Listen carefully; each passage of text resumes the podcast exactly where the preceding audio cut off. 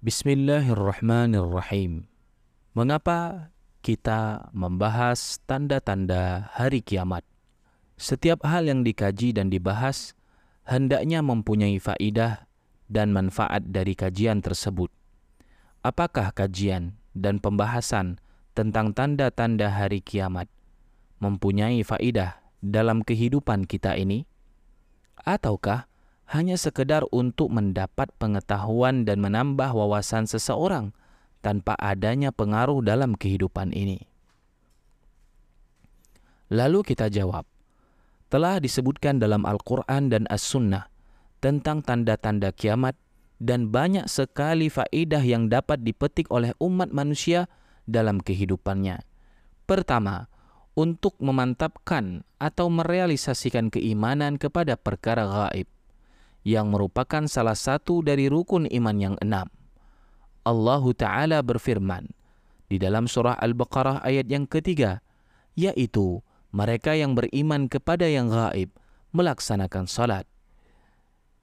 Diriwayatkan dari Abu Hurairah radhiyallahu anhu berkata, Rasulullah sallallahu alaihi wasallam bersabda, "Aku diperintahkan untuk memerangi umat manusia hingga mereka bersaksi bahawa tidak ada Tuhan yang berhak disembah selain Allah dan mereka beriman kepadaku dan beriman kepada risalah yang aku bawa. Jika mereka melakukan itu, maka darah dan harta mereka telah terjaga dariku, kecuali disebabkan oleh sesuatu yang hak atasnya dan hisab mereka ada atau terserah kepada Allah Ta'ala.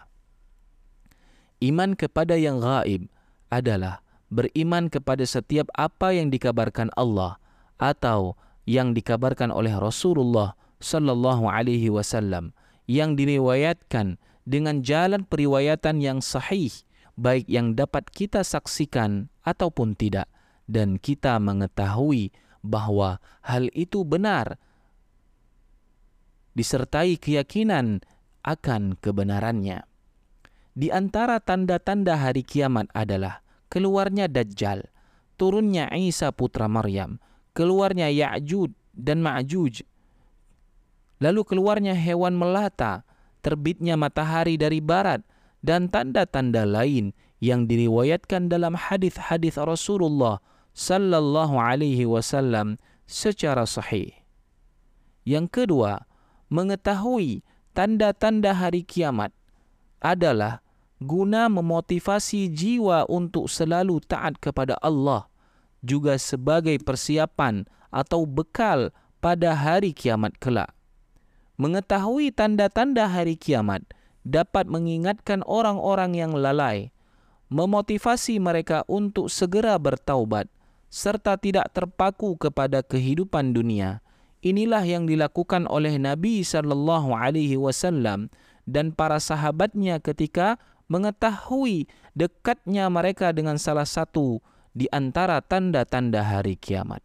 Disebutkan dalam kitab Sahih Al-Bukhari dan Sahih Muslim bahawa pada satu malam Rasulullah sallallahu alaihi wasallam bangun dan bersabda, "Celakalah orang-orang Arab karena suatu bencana telah dekat kedatangannya atau akan terjadi, yaitu pada hari ini tembok Ya'jud dan Ma'jud telah terbuka sebesar ini. Dan dalam lanjutan hadis ini disebutkan, bangunkanlah para pemilik kamar, yaitu istri-istri Rasulullah, banyak sekali orang-orang yang berpakaian sewaktu di dunia, tetapi telanjang di akhirat kelak. Yang ketiga, bahawa adanya tanda-tanda hari kiamat dapat menjadi penjelas hukum-hukum syariah dan permasalahan hukum-hukum fikih. Dalam kisah turunnya Dajjal ke bumi, satu hari serasa setahun, satu hari serasa sebulan. Para sahabat bertanya kepada Nabi tentang hari-hari di mana Dajjal yang akan datang dan singgah ke bumi. Apakah dalam satu hari seperti itu cukup dengan salat untuk sehari lima kali seperti sekarang? Maka Nabi sallallahu alaihi wasallam menjawab, "Tidak. Perkirakanlah itu sesuai dengan ukurannya." Dari sini kita bisa mengambil pelajaran bagaimana tata cara salat bagi kaum muslimin yang bermukim di negara-negara yang waktu pagi atau malamnya atau lamanya mencapai satu bulan. Yang keempat, pengetahuan Nabi sallallahu alaihi wasallam tentang tanda-tanda hari kiamat merupakan hal yang berkaitan dengan perkara gaib yang tidak dapat diketahui dengan dugaan dan persangkaan.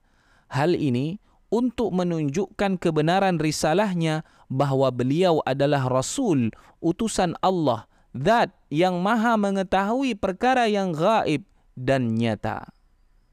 Allah Ta'ala berfirman di dalam surah Al-Jin ayat 26 sampai dengan 27. Dia mengetahui yang gaib, tetapi dia tidak memperlihatkan kepada siapapun tentang yang gaib itu kecuali kepada Rasul yang diridainya, maka sesungguhnya dia mengadakan penjaga-penjaga atau malaikat di depan dan di belakangnya. Yang kelima, sesungguhnya dengan mengetahui tanda-tanda hari kiamat, kita dapat mengambil faedah dalam memahaminya melalui petunjuk syariat sehingga tidak ada kesalahan atau kekeliruan dalam memahaminya seperti pengabaran kita tentang Dajjal secara rinci menyebutkan ciri-ciri matanya, jidatnya, serta ciri-ciri lainnya. Sehingga kita tidak terjebak dalam fitnah tetapi mengetahui bahawa itu adalah Dajjal. Keenam, dapat mempersiapkan diri atas segala sesuatu yang akan terjadi pada masa datang.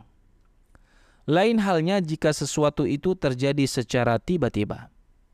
Ketujuh, faedah ketika kita membahas tanda-tanda hari kiamat dapat membuka pintu harapan karena dari tanda-tanda kiamat itu ada yang menerangkan tentang bahwasanya pertolongan yang akan diberikan kepada umat Islam dan Islam akan menyebar di muka bumi. Sesungguhnya orang-orang Yahudi dan Nasrani akan kalah. Hal ini merujuk kepada kabar yang disampaikan oleh Nabi sallallahu alaihi wasallam tentang kemenangan atau kekuasaan yang akan diraih oleh Islam dan kejayaannya atas semua agama yang lain meski orang-orang kafir membencinya.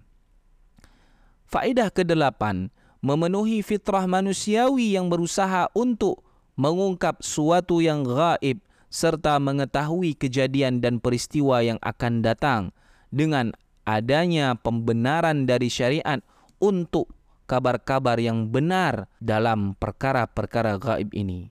Islam menolak cara-cara penganut Dajjal yang mengaku dapat mengungkap semua itu atau perkara gaib seperti tukang nujum, peramal, dukun dan yang semisalnya. Berbeda dengan kita yang mengungkap semua itu melalui kabar dari wahyu atas berbagai kejadian dan peristiwa yang akan terjadi yang merupakan tanda-tanda hari kiamat. Terakhir, sesungguhnya iman kepada tanda hari kiamat akan semakin menguatkan dan mengokohkan keimanan dan terjadinya berbagai tanda-tanda kiamat tersebut akan menguatkan keyakinan akan kebenaran agama yang kita anut. Tentunya masih banyak faedah lain yang sangat berguna dalam kehidupan kita.